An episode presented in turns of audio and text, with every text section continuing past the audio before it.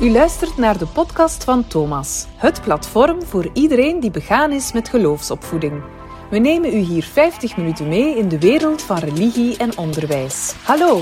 Dag luisteraar, vandaag zit ik in de kantoren van Vluchtelingenwerk Vlaanderen. We praten onder andere met de directrice Tine Klaus, die hier al aan mijn micro zit. Goedemorgen. Dag Goedemorgen. Maar ook met de verantwoordelijke van het luik onderwijs binnen deze organisatie, namelijk Veronique de Klerk.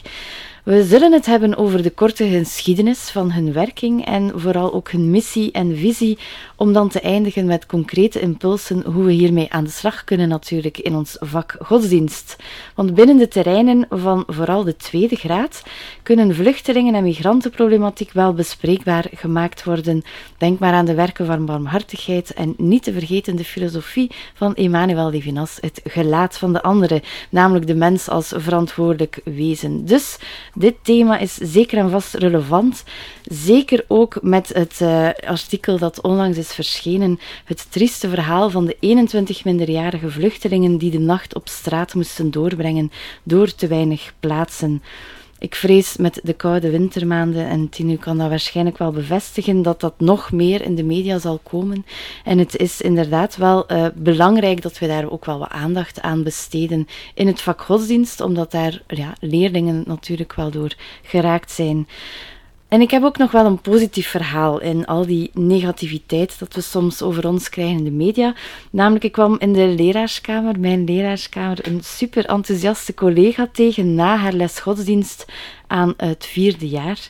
Uh, een grote shout-out naar Anke, mijn collega, want ze vertelde daar honderd uit en ook met heel veel vuur en passie in haar ogen over haar onverwachte fantastische les over vluchtelingenproblematiek. Namelijk in haar handboek stond een korte getuigenis van een vluchteling en het ging over dromen.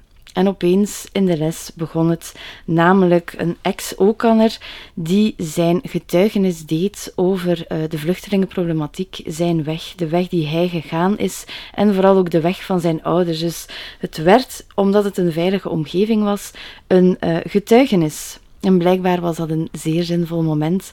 Ze was uh, volledig in de wolken. Het was mooi om te zien, lichte jaloezie, omdat ik er uh, helaas niet bij was. Maar het werd een dialoog, zei ze, een echt gesprek. Tine, dat zijn waarschijnlijk zaken die je heel graag hoort. Um, want wat is Vluchtelingenwerk Vlaanderen? Waar, waar staan jullie voor? Ja, wij zetten ons in voor alle mensen op de vlucht hier in, uh, in Vlaanderen, Brussel.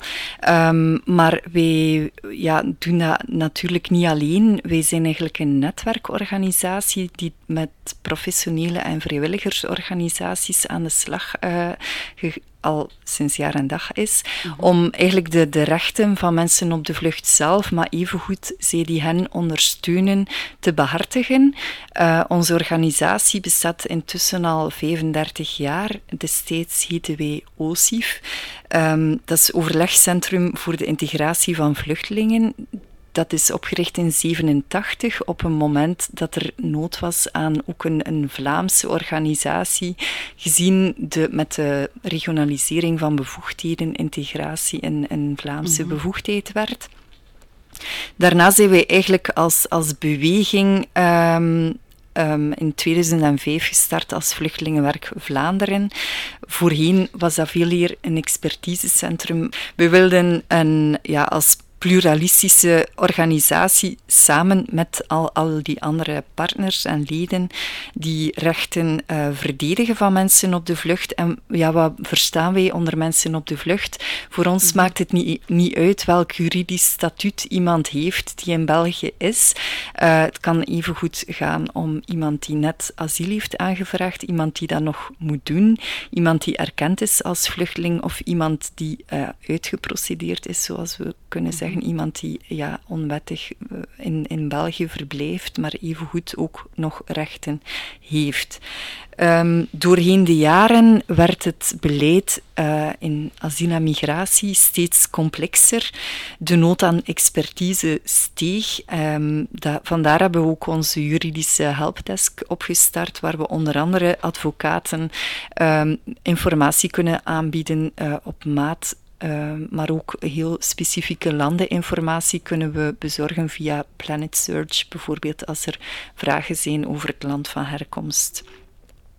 Nu, um, we vinden het heel belangrijk dat we niet alleen beleids- en juridisch werk doen, maar dat we ook voeling hebben met de realiteit, dat we voldoende signalen kunnen opvangen, capteren, zodanig dat we weten welke problemen zich stellen uh, op het terrein. En dat proberen we op verschillende manieren te doen. Zo zijn wij sinds jaar en dag aanwezig bij het aanmeldcentrum, waar mensen asiel aanvragen om mensen te ondersteunen met juridische informatie, toelichting geven over de procedure en vandaag de dag helaas ook um, uitleg geven bij de opvangcrisis die ons land al meer dan een jaar in de greep houdt. Maar um, dus die terreinsignalen zijn van belang. Hoe capteren we die nog? Uh, behalve ons startpunt hebben wij een infolijn waar iedereen um, terecht kan voor, uh, met, met zijn, zijn of haar vragen over mensen op de vlucht. Dat kan gaan over gastgezinnen die nu mensen thuis onthalen kan gaan om vrijwilligers die een bepaalde kwestie hebben waar ze niet goed weg mee weten. kan even goed gaan om vrijwilligersorganisaties. Um, dus leerkrachten kunnen daar ook naar bellen. Zeker. Um, Dus dat is inderdaad een directe lijn die wij openhouden voor evengoed leerkrachten of, of gelijk welke mhm. onderwijsactor. Um, waarom vinden we dat ook heel belangrijk? Zoals ik zei, om, omdat wij twee gedetacheerde leerkrachten hebben die heel specifiek binnen Vluchtelingenwerk Vlaanderen aan de slag gaan met die signalen die wij capteren. Dus we hebben enerzijds de infolijn startpunt, maar er zijn ook regiocoördinatoren. Vluchtelingenwerk heeft in elke provincie één iemand actief die echt uh, op zoek gaat samen met formele en informele actoren, vrijwilligersorganisaties, naar um, oplossingen voor bepaalde problematieken. Ze ondersteunen ook mensen die binnen die provincie aan de slag gaan met mensen op de vlucht. Dus ze staan echt wel ter beschikking van mensen in, in elke provincie. En die gedetacheerde leerkrachten, wat is een functie hier dan? Is Veronique, die we straks gaan horen, ook uh, zo'n gedetacheerde leerkracht? Inderdaad, dus Veronique en Bart zijn de mhm. twee mensen binnen onze organisatie die de signalen die Startpunt, Infolijn en de regiocoördinatoren capteren rond onderwijs, die daarmee aan de slag gaan. En wat, wat doen zij onder andere? Zij, zij sommen beleidsaanbevelingen op. Zij gaan die ook gaan verdedigen, bijvoorbeeld bij kabinet Weits. De contacten daarmee zijn, zijn heel intens, dus zij kunnen dankzij de input die ze van vluchtelingenwerk ontvangen, echt ook weten wat, welke problemen zich bijvoorbeeld stellen binnen ook aan onderwijs op ja, of op andere um, domeinen binnen het onderwijs. Dus voor ons is het ook heel erg belangrijk dat als leerkrachten ergens mee zitten, dat ze weten dat ze bij ons terecht kunnen. Ehm, Bart gaat ook specifiek dit jaar aan de slag uh, met het uitwerken van een, een pedagogisch pakket die kan gebruikt worden tijdens pedagogische studiedagen naar leerkrachten toe, zodanig dat we ook echt iets kunnen aanbieden naar, naar de leerkrachten zelf. Ja, ja. Um, dat is inderdaad een, een hele boterham. Uh, Tine, u bent um, hier directrice vanaf uh, december 2021. Wat, uh, wat deed u hiervoor? Want het lijkt mij, als hier zo ingegooid wordt, als je, ik weet niet, misschien hebt u een gigantische interculturele achtergrond, maar uh, wat is een beetje uw profiel? Ja, ik uh, ben van, van opleiding, heb ik Romaanse taal en letterkunde gedaan mm -hmm. en rechten. Uh, en heb ik eigenlijk altijd als ambtenaar gewerkt hiervoor. ik kom nu van de federale gelijke kansenadministratie. Daar mm. werkte ik sinds 2016 als verantwoordelijke bijvoorbeeld op um, coördinatie van het antiracismebeleid in België, waarbij dat we bijvoorbeeld onder andere voor het domein onderwijs ook een ontwerp van Nationaal Actieplan tegen Racisme hebben uitgewerkt.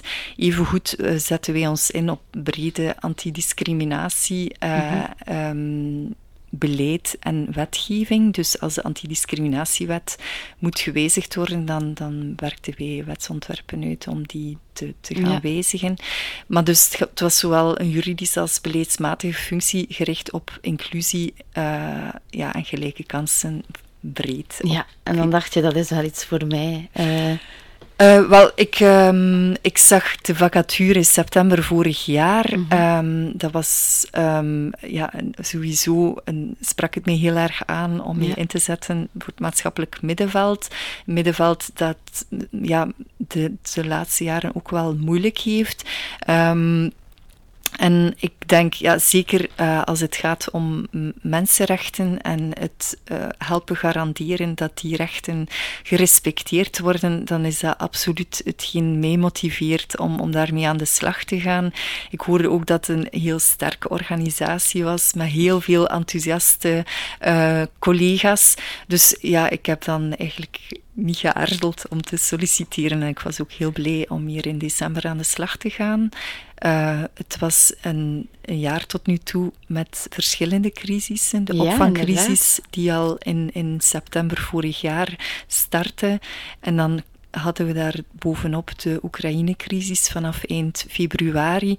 Dus het is op zich um, op onze thematiek heel druk en, en zwaar werk ook. Zeker als je met mensen op straat in contact komt die ja, geen opvangplaats hebben, bijvoorbeeld. Dan, dan raakt u dat echt als mens. Uh, mm -hmm. We hebben daarom ook um, de week dat minderjarigen en gezinnen op straat uh, stonden, echt wel proberen zo snel mogelijk zelf oplossingen zoeken via hotels, gastgezinnen, andere NGO's.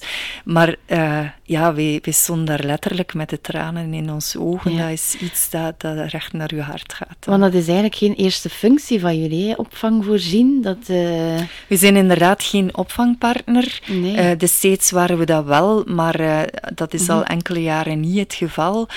dus ja, we hebben echt ons gewoon gewoon werk, dat is ons beleid, ons bewegingswerk, eh, even laten vallen om gewoon mensen te hulp te schieten en te zorgen dat ze niet de nacht op straat moesten doorbrengen. Het ging mm. echt om ja, hoogzwangere vrouwen, baby's, uh, dat dat, was, ja, dat, dat aanvaarden we gewoon niet in een rechtsstaat als België, die eigenlijk geacht is om iedereen die hier bescherming zoekt, ook wel degelijk opvang te geven, bed, bad, brood te voorzien. En als dit zelfs niet kan voor, voor de kleinste kinderen, dan, ja, dan ja. begrijpen we het echt niet meer. Um, je hebt het over de, de opvangcrisis van 2021, september 2021 is dat begonnen. Kunt u daar iets meer over vertellen? Van waar komt die crisis? Hoe komt dat hier opeens op onze nek gevallen? Ja, in feite, um, als we over vele jaren heen kijken, zien we dat uh, het aantal asielaanvragen in België altijd fluctueert. Dat is een heel cyclisch gegeven. Um, ik kan eigenlijk niet zeggen er is een standaardjaar en daar weken we nooit vanaf. Nee, eigenlijk zou een beleid dat een lange termijnvisie heeft al eigenlijk lang op voorhand moeten beseffen, kijk, we hebben nood aan buffercapaciteit, opvangplaatsen en uh, personeel om die opvangplaatsen uit te baten voor periodes dat er iets meer aanvragen komen, zodanig dat we niet telkens opnieuw nieuwe centra moeten gaan openen, nieuwe eh, personeelsleden vinden die centra openen in gemeentes waar die destijds moesten sluiten. En dan dat jojo-beleid, daar creëer je geen draagvlak voor. En dat is ook een, een gevolg van mm, een aantal staatssecretarissen die ferm bespaard hebben op personeel en opvangplaatsen. Maar nu dragen we de gevolgen van dat jojo-beleid. Het jaar 2021 was geen uitzonderlijk jaar op vlak van aantal asielaanvragen. Dus het probleem van de verzadiging van het opvangnetwerk bij FIDAsiel had echt te maken met het feit dat je uh, ja, na corona kon je je er sowieso aan verwachten vanaf de grenzen weer opengingen, dat er meer uh, plaatsen zouden, meer aanvragen zouden volgen. Maar wat zien we vooral?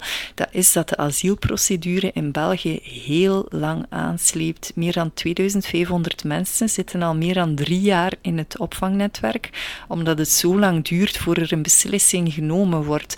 Mhm. Mocht een asielprocedure in België zes maand bedragen, of à la limiet minder dan een jaar, dan kan je verder met meer, minder dan de helft van het aantal opvangplaatsen dat we nu uh, nodig hebben om iedereen onderdak te geven. Dus ja, als uw asielprocedure zoveel te lang duurt, is het niet alleen heel slecht voor de mensen zelf die zo lang in onzekerheid zitten, maar evengoed voor de asiel, ja, mensen in het asielnetwerk die opvang voorzien en, ehm, en ja, eigenlijk zien dat het systeem vierkant draait, dat mensen mhm. niet uitstromen omdat, omdat er nog altijd geen beslissing genomen is over een aanvraag.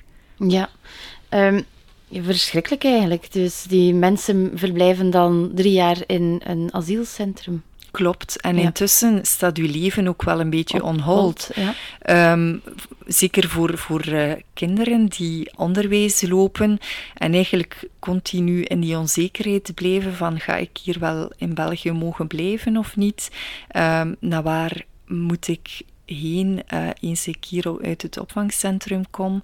Um, ja, heel veel mensen doen heel hard hun best al om Nederlands te leren terwijl ze, uh, hun procedure nog loopt. Maar ja, mhm. die, die jaren van onzekerheid zijn verschrikkelijk en, en zeker ook voor kinderen. Ja. Is het onderwijs voor jullie een belangrijke ehm, sector?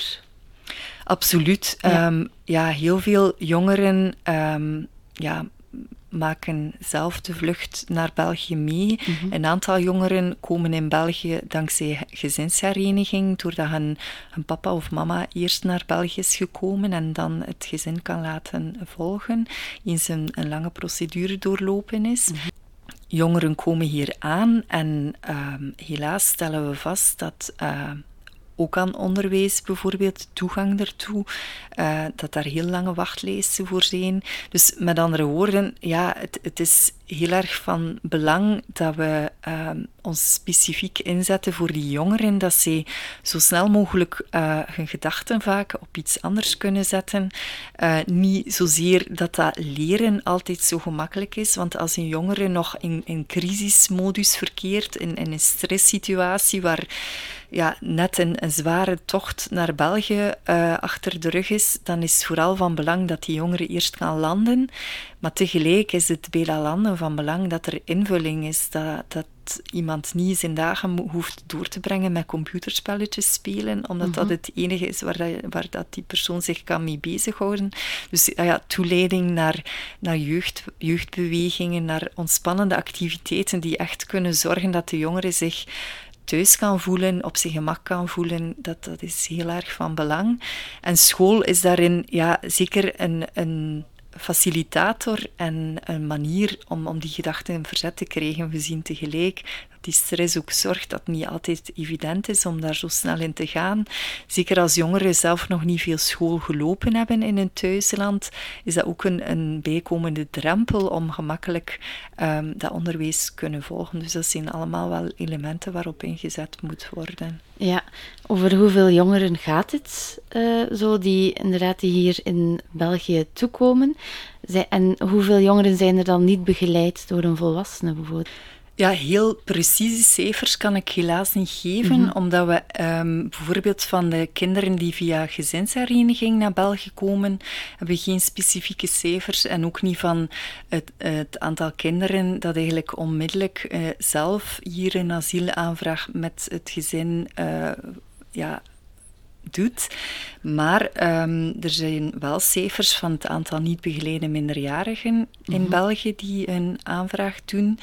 En waar wel ook specifieke cijfers van zijn, is het aantal Oekraïense jongeren die aankomt in, in België, zowel begeleid als niet begeleid. Ja. Dus uh, concreet, uh, als we eerst kijken naar de groep van niet begeleide minderjarigen, die de voorbije twee jaar is aangekomen, uiteraard voor 2020 met corona um, gaat dat om een ja, sowieso een heel veel lager aantal dan normaal. Um, dat ging over ongeveer 2500 jongeren. Ja, In 2021 um, ehm, ging het om bijna 5000 jongeren. Die zonder uh, begeleiding Naar komen. Dus die op eigen houtje, ofwel uitgestuurd, veronderstel ik, ofwel op eigen initiatief. Uh, de tocht aanvatten. Ja. ja. klopt. Dus dat gaat om, om heel veel jongeren mm -hmm. die onbeschermd en vaak in handen van mensensmokkelaars of ja, slachtoffer van uitbuiting al geweest zijn tegen dat ze hier aankomen. Ik denk dat daar een film zoals Turi en Lokita echt wel sprekend is en dat dat eventueel ook wel een film kan zijn die leerkrachten kunnen laten zien. Ja. in, in de mate dat al Mhm. toegankelijk is, uiteraard. Natuurlijk, Voor derde ja. middelbaar of zo.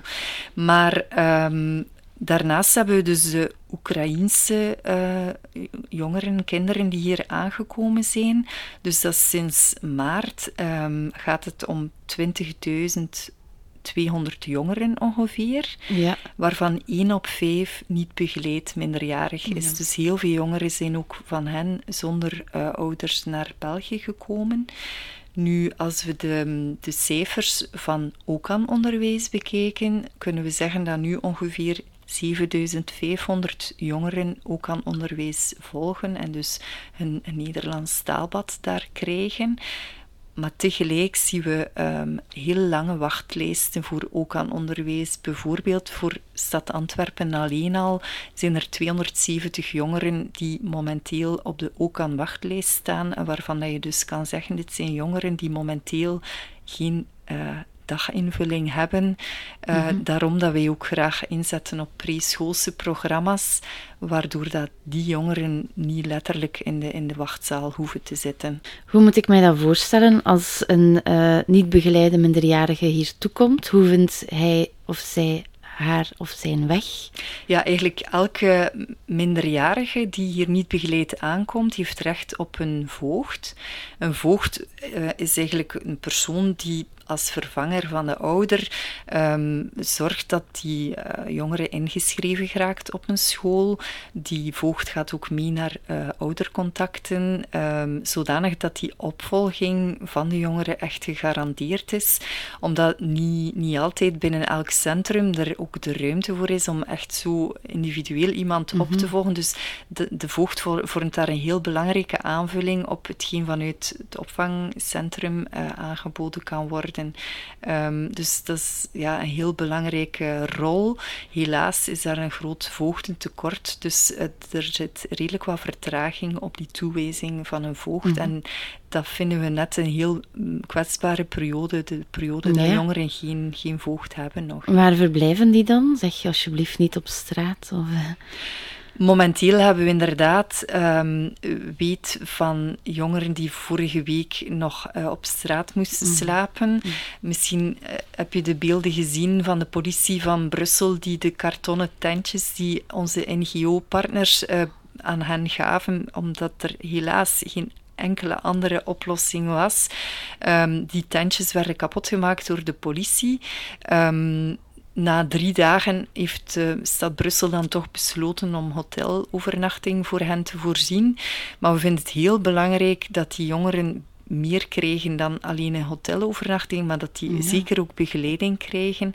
Net omdat ze niet terug in de handen zouden vallen van hun mensensmokkelaar of, of mensen die uit zijn op eh, misbruik van die jongeren, gewoon eh, door gebrek aan omkadering van hen. ja, het is een kwetsbare groep. Zo'n hotel, dat, is, dat lijkt mij geen lange termijn oplossing. Ehm, Nee, klopt. En, en vandaar ook dat we in bijzonder voor minderjarigen ervoor pleiten dat er opvangplaatsen bijkomen, zodanig dat ze echt wel de omkadering kunnen krijgen die ze nodig hebben en die wij als NGO's helaas ook niet kunnen geven. Onze organisatie zit momenteel echt op een tandvlies en ja, we beredderen ons met hetgeen dat we nog kunnen doen, maar eh, het gaat om, om veel mensen die opvang nodig hebben. En, Ja. En dan krijg je, als ze ja, het geluk hebben ehm, van de wachtlijst volledig uit te zitten, dan krijg je op die manier zo van die leerlingen met zulke verhalen in de klas. Wat lijkt u eh, heel belangrijk om in het onderwijs te doen als het gaat over vluchtelingen? Ik denk dat vooral van belang is om het verhaal van individuen te kennen, om, omdat je, ja, als je enkel cijfers hoort of eh, v- ja, problemen over een crisis in Brussel, dan, dan zegt dat niet veel. Ik denk dat het van groot belang is om, om persoonlijke verhalen te kennen en, en daarmee ook echt het gesprek eh, aan te gaan eh, met de klas, om, om daar die bewustwording te, te krijgen. En natuurlijk, migratie is iets van alle tijden. Nee, we hebben heel veel vluchtelingenstromen gehad in het verleden al. Eh, in de Tweede Wereldoorlog zijn ook eh, Vlamingen, Belgen massaal op de vlucht geslaan. Het is helaas iets van alle tijden en momenteel zijn nog nooit zoveel mensen op de vlucht geweest als nu. Ehm, de Verenigde Naties heeft het over meer dan 100 miljoen mensen momenteel die haven en goed verlaten heeft om, omwille van oorlog en geweld. En dat betekent concreet dat 1 op 79 mensen vandaag op de vlucht is en dat dat een realiteit is waar dat gewoon iedereen wel rekening moet mee houden en waar dat van groot belang is dat we ons solidair tonen met zij die hier aankomen en, en vaak al verschrikkelijke dingen hebben meegemaakt. Mhm. Dat we die solidariteit nodig hebben om ook gewoon draagvlak binnen onze maatschappij te hebben voor iedereen die van een andere plek komt. En dat dat geen mensen zijn die gelukzoekers zijn, maar dat dat mensen zijn die nood hebben aan bescherming. En hen op, op die manier ook benaderen is gewoon cruciaal om, om uw draagvlak binnen uw samenleving en concreet ook binnen uw klas te bekomen. Een grote middengroep uh, heeft niet echt veel te maken met migratie of met vluchtelingen, maar die hebben daar wel een bepaald uh, vocabularium rond, die niet altijd positief is. Is er een mogelijkheid om dat te gaan counteren?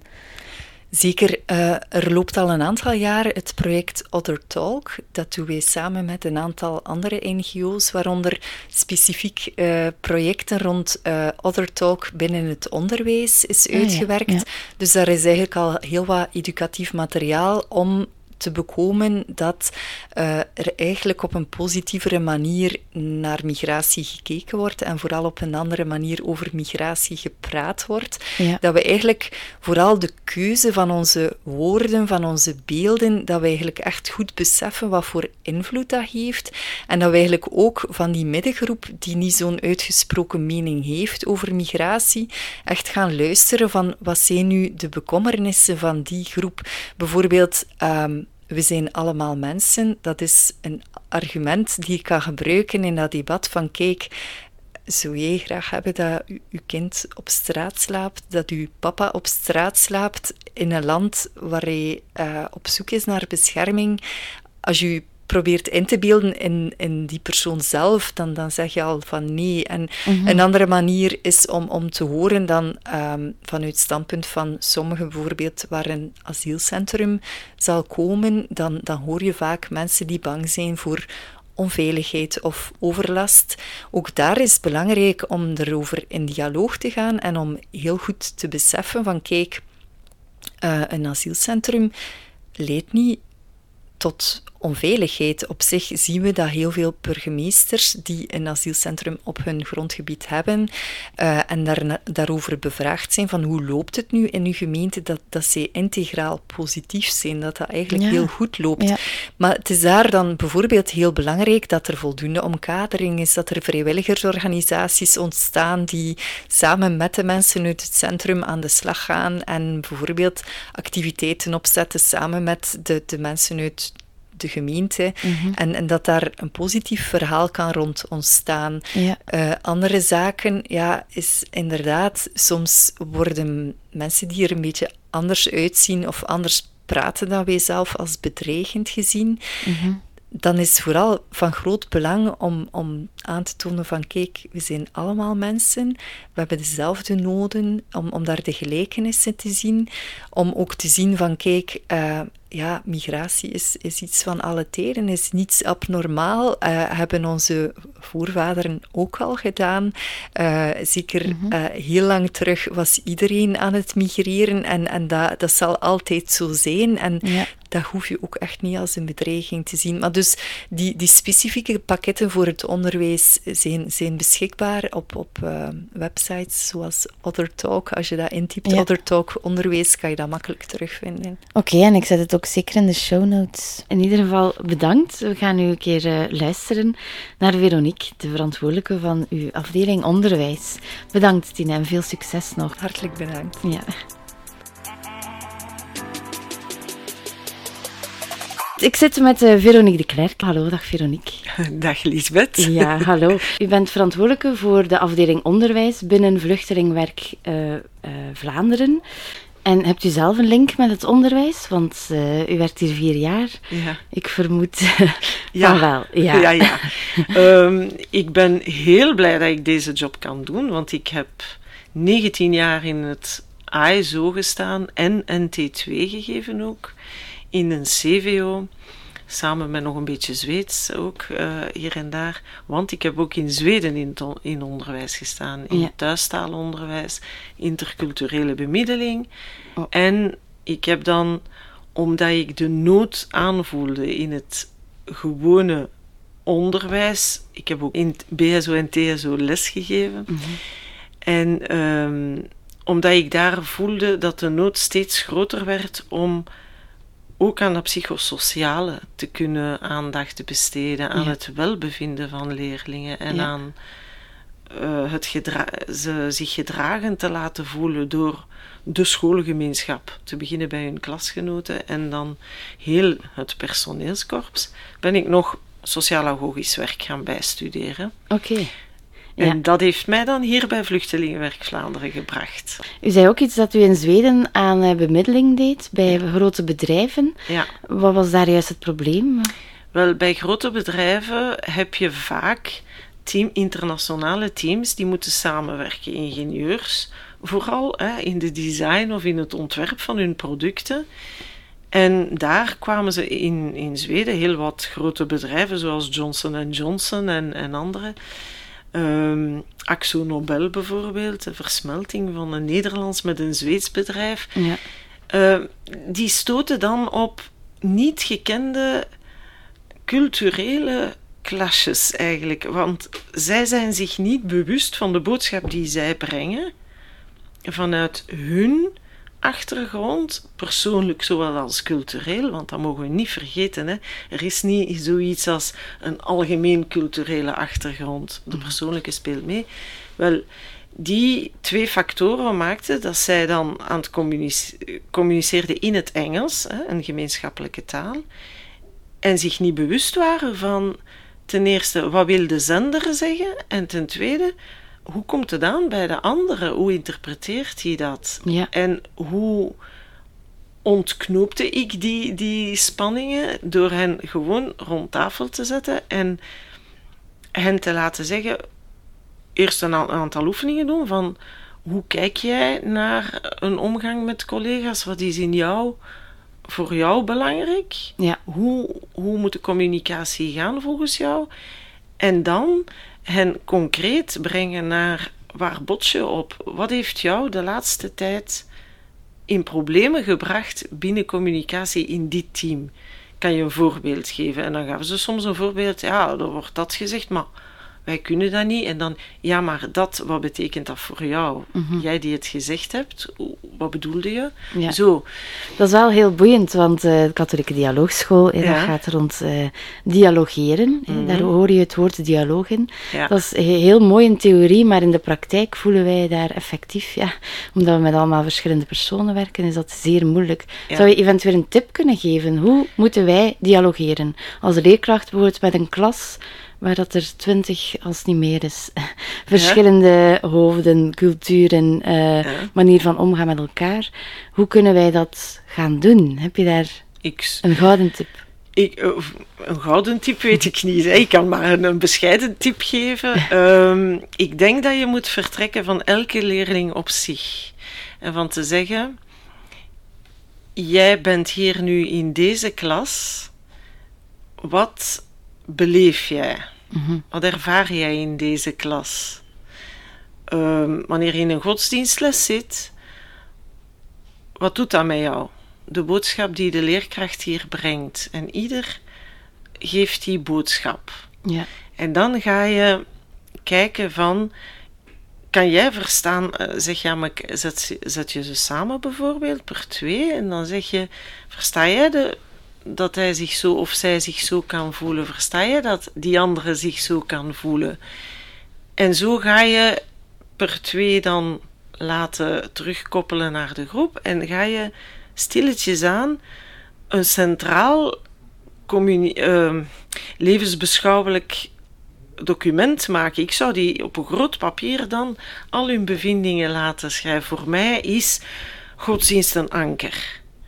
Ik ben nieuwkomer, ik, ik leef in de grootste onzekerheid. Ik zie mijn ouders proberen om het hier aan elkaar te krijgen. Wij zitten in stress en mijn godsdienst is mijn houvast. Ik zou graag mijn godsdienst ook kunnen voorstellen of zoiets. Ja. En dan ook, ook zeggen, wat houdt, mijn gods, wat houdt je godsdienst in? Mhm. Wat in jouw godsdienst geeft jou dan zoveel sterkte? En als je dan kinderen hebt die geen godsdienst hebben, dan kan je ook zeggen, en wat doet dat met jou als je hoort dat iemand in zijn godsdienst kracht vindt? Ja, ja, ja. Ik denk dat je op die manier moet Mhm. te werk gaan in, met jongeren, omdat je.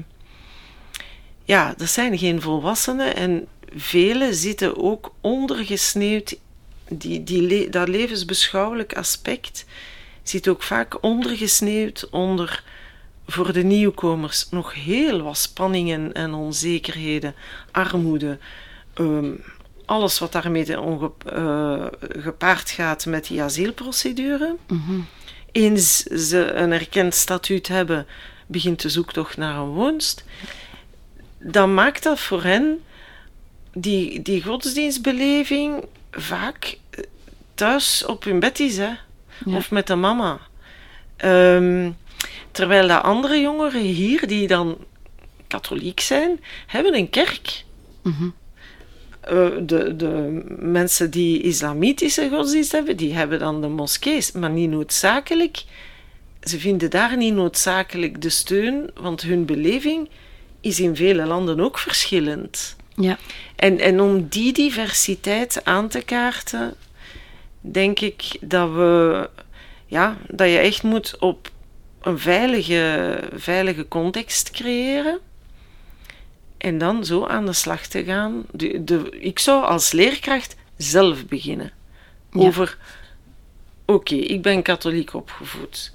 Voor mij, een godsdienstles was zeker als ik jong was, was dat een hele bron van inspiratie. Ik kon daar levensvreugde uithalen. Mhm. En dan dat vragen aan, aan de jongeren. Wie Ja. haalt levensvreugde uit zijn godsdienst? Ja, ja, ja.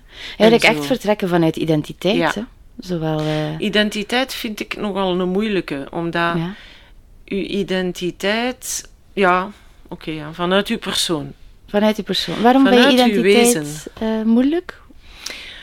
Omdat identiteit, je bent, die jongeren, de dag van vandaag is een jongere vaak niet één identiteit. Dat is zo'n massa lagen Ja. die, om een voorbeeld te geven, je bent een jongere op de vlucht. Eigenlijk ben je een Syriër. Hm? Je bent daarbij nog iemand op de vlucht die in rouw is. Levend, leven, rouw, levende rouw, hè? Om, om alles wat je achtergelaten hebt. Nou, dan ben je, je bent een buitenlander voor velen. En je voelt dat ook. Je bent, je bent je voelt je onmondig, want je kan, je kan de taal nog niet zo goed. En dan ben je ergens ook nog wel jezelf. Ah, ik teken graag, ik heb dit, ik heb dat.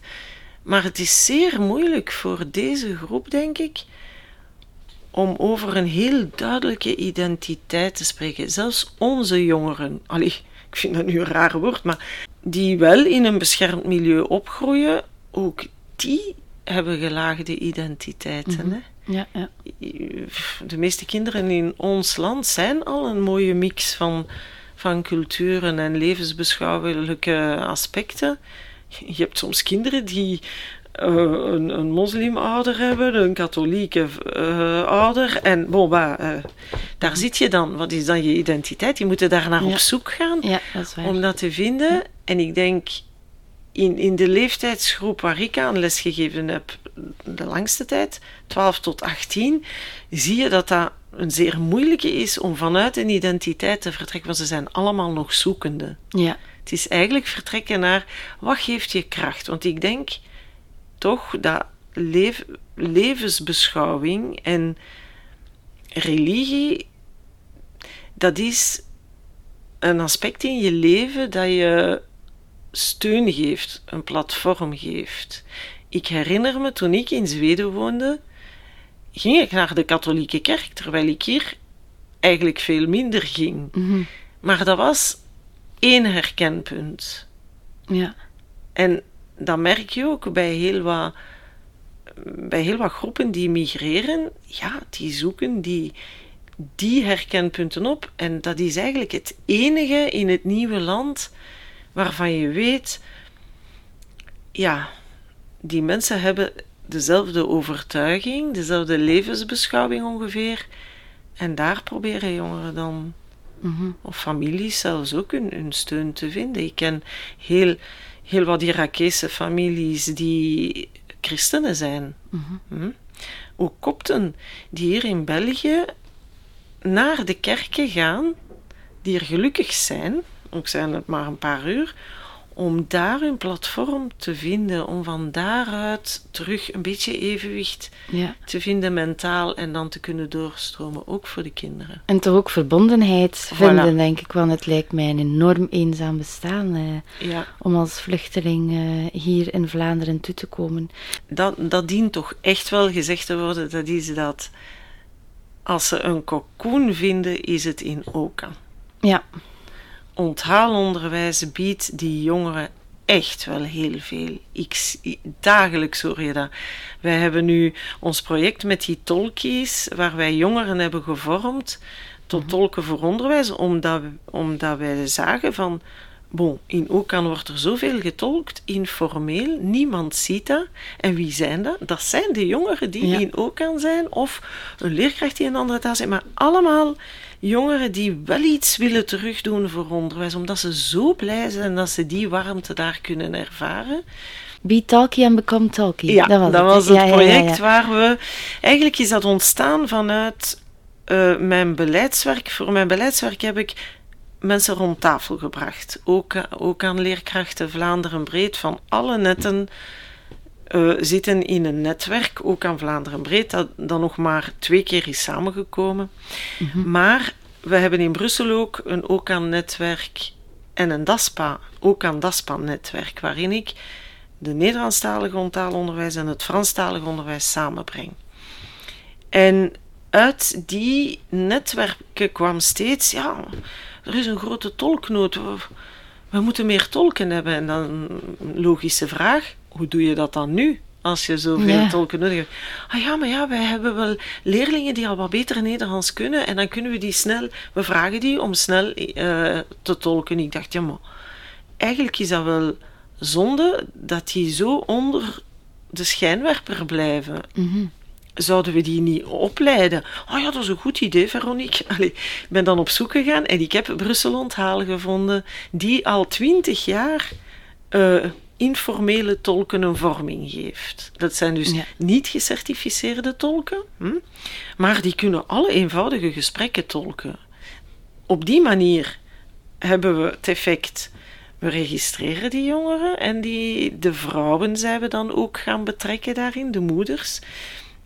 Ehm, we, hebben, we valoriseren hen, want Ja. ze worden in het daglicht gesteld door onze oproep. We, maken, we tonen ze dan ook van kijk, deze zijn gevormd.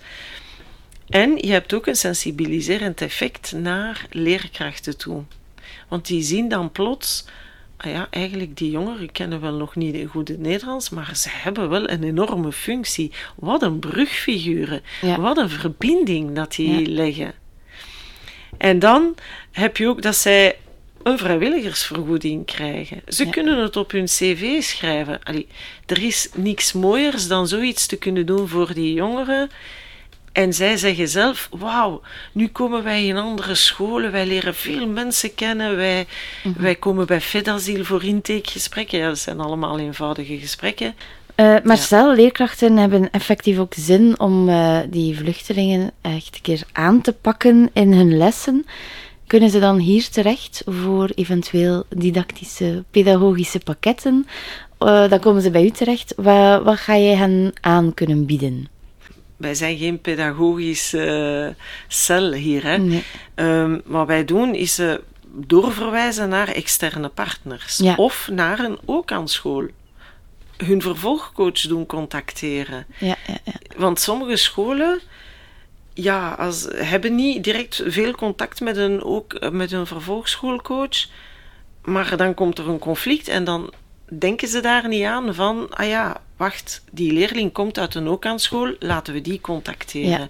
Dus de vervolgcoaches zijn uh, heel belangrijk. Die zijn zo belangrijk en die hebben gelukkig nu wat meer uren gekregen. Mhm. Dus dat is, die zijn de bruggenbouwers tussen de leerkrachten en de exo-kanners. Die proberen een hele klassenraad, die geven ook vormingen, um, die proberen de link echt, het, het begrip van wat hoe staat die leerling nu in je klas? Wat heeft hij in zijn rugzak?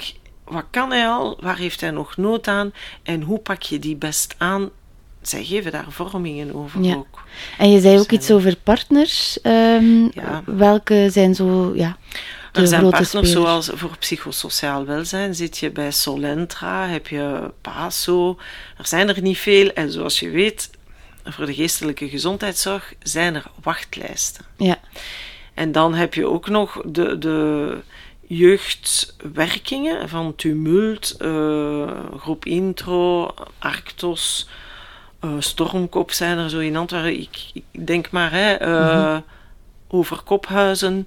Ja. Theo heb je ook. Ja. Die, dat zijn laagdrempelige initiatieven die ik heel mooi vind, want daar kunnen dan, kan je dan scholen naar verwijzen van proberen die jongeren in contact te brengen met zo'n werking. Mhm. Ja. Ja, het is, het is, en de CLB's zijn er ook, hè? Ja, niet te vergeten. En waar moet ik zijn voor ehm, didactische pakketten? Dan? Didactische pakketten, dat is vooral. Gesneden brood. Zo. Ja. zo. Wel, daar zou ik Caritas uh, aanraden. Er is ook een Other Talk project ja. met uh, School zonder Racisme en ELF. Ja. 11, 11, 11.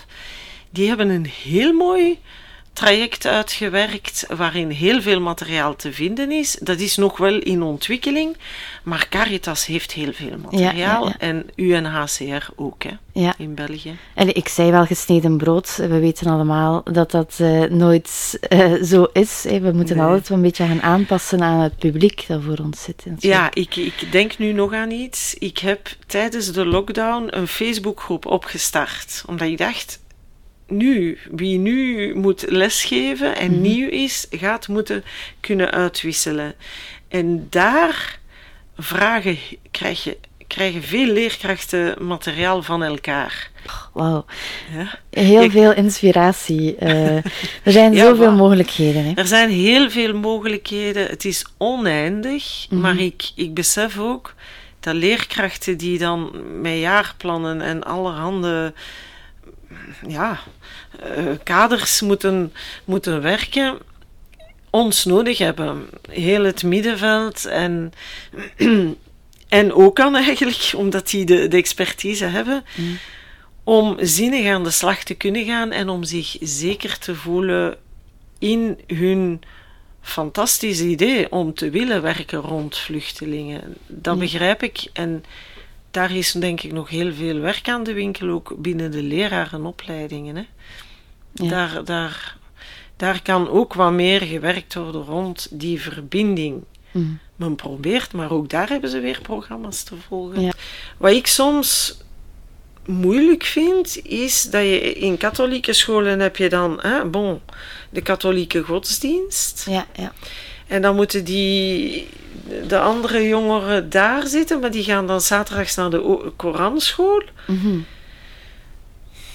Het is niet evident hè, om dan die link daartussen te leggen. Dan is het misschien ook een tip van gewoon de, dat de leerkracht godsdienst hè, zou aan alle leerlingen vragen. Als hij, ik, ik weet niet welke aspecten dat die allemaal aanhouden, aanhalen, hè, maar als het bijvoorbeeld gaat over naastenliefde, ik herinner me dat nog uit mijn godsdienstlessen, hoe is dat in jouw godsdienst? Hoe wordt dat daarin vertaald? Dan leg je, dan leg je verbinding met hun godsdienst. Vanuit jou, eh, en hij deelde de, bro- de broden werden vermenigvuldigd. Is er zoiets dat jij kent uit de Koran of uit de Torah en andere in de Grieks-orthodoxe en Russisch-orthodoxe kerk ook. Ja. De Heb je stiekem uh, het leerplan uh, godsdienst te lezen achter mijn rug? Ja? want, ja? nee, nee, ja, nee, ik dacht het. Jawel, inderdaad, als het gaat over interleesbeschouwelijke dialoog, dan vertrekt dat inderdaad van die begrippen, dat kan vertrekken vanuit die begrippen, ja. om op die manier naar elkaar te luisteren. Ja, voilà. Want ja, als je kijkt op Twitter, wordt er weinig geluisterd, alleen maar geroepen. En mm. het is een beetje een attitude dat wordt aangeleerd in het uh, vak godsdienst om naar elkaar te luisteren. Niet om volledig akkoord te zijn en dergelijke. Maar dat is juist uh, de grote mooie uitdaging. Ja. Je moet niet altijd akkoord zijn. Nee. Maar er moet wel um, ja, grenzen gesteld worden aan uh, het opdringen van ja. mijn mening. Mm. Maar rustig bij elkaar zitten luisteren, ik vind dat ja, heel zo. heilzaam. Je, je brengt één thema aan en dan zeg je, voilà, we zitten hier wel in een godsdienstles, hè, de katholieke godsdienst. Maar ja, jullie kunnen allemaal vertellen welke godsdienst jullie hebben of geen hebben. Waar ik in, in godsdienstlessen, ja, ik mag niks zeggen, want ik weet echt niet hoe ze er vandaag uitzien. Maar ik vermoed dat daar nou ook weer de, de schrik is van ik ga uit mijn comfortzone. Ik, mhm. ik ga die leerlingen aan het woord laten. En oeh, als die beginnen lawaai te maken en als dit en als dat. Of als ehm, ja, mensen daarop gaan heel discriminerend beginnen reageren, wat doe ik dan als leerkracht? Uh, dan is het zaak om de stelling: ik respecteer jouw mening terug in de groep te brengen. Ja. Van jij zegt, ja, maar jullie, jullie doen zo en, en jullie zijn niet zus en niet zo. Heeft dit met dit onderwerp te maken? Deze kritiek? Ik denk het niet. Ja, ja. Dus we gaan, terug naar het, we gaan terug naar het onderwerp. Misschien is het goed om op pedagogische studiedagen met godsdienstleerkrachten aan zelfanalyse te doen van wat doet dat bij mij als er een, een jongere zegt: Oh, bij mij, voor mij moeten de vrouwen een, een um, hoofddoek dragen? Wat, wat maakt dat los bij mij? Om hen dat te laten doen op een pedagogische studiedag. Iets dat nuttig is ja. voor hen, om hen die, die onzekerheid te laten ja. voelen en daar dan mee aan de slag te kunnen gaan. Ken je bijvoorbeeld mensen die dat zouden kunnen begeleiden, zo'n gesprek? Ik denk dat er zeker wel zo'n organisaties zijn. Er is ook Maria Bernard. Frederik Imbo is? Ja. Ah, ja, ja, ja, ja. Frederik Imbo. Die doet dat ook. Ja. Dus er zijn zo... Bon, die gaan... Ja, het is een beetje zoeken dan, hè. Ja. Maar het is een goed idee dat je dat nu aankaart. Dan kunnen wij daar eens een lijstje van maken. En op onze webpagina zetten ook. Hè. Mhm. Om zo, maar ik denk dat we moeten de zorg voor de leerkracht niet verliezen in, eh, niet uit het oog verliezen in, wanneer we spreken over die verbinding leggen in een klasgroep, in een godsdienstles. Mhm. Want het is toch wel best pittig als je zelf geen interculturele achtergrond hebt, om daarmee om te gaan. Ja. Je, ik zou hen ook aanraden, ga filosofisch te werk. Mhm. Stel altijd van waar komt die vraag? Waarom stel je die vraag? Wat betekent die vraag? En wat betekent, als die dan een antwoord geeft, en wat betekent dat? En zo kan je heel ver gaan in verbindend communiceren. Ja. Goed. Ja. Super interessant, dank u wel. Graag gedaan. Het was heel fijn. Oké, heel erg bedankt, Veronique. Ja? Ik wens je nog veel succes. Ja, dank u wel. Het was een heel aangenaam ja, gesprek. Ja, het was een aangenaam gesprek. dank ik ga u. nu uh, de recordknop uitzetten en ik denk dat we nog wel wat verder uh, praten. Uh. Maar dus Ja, de mensen kunnen ook alles lezen. Ik maak er show notes bij, zodat de linken naar de verschillende partners kunnen bekeken worden. Bedankt. Dag. Bedankt om te luisteren. Heb je zelf een interessant project of wil je dat de podcast van Thomas bij jou langskomt? Laat het ons weten via thomas.kuleuven.be.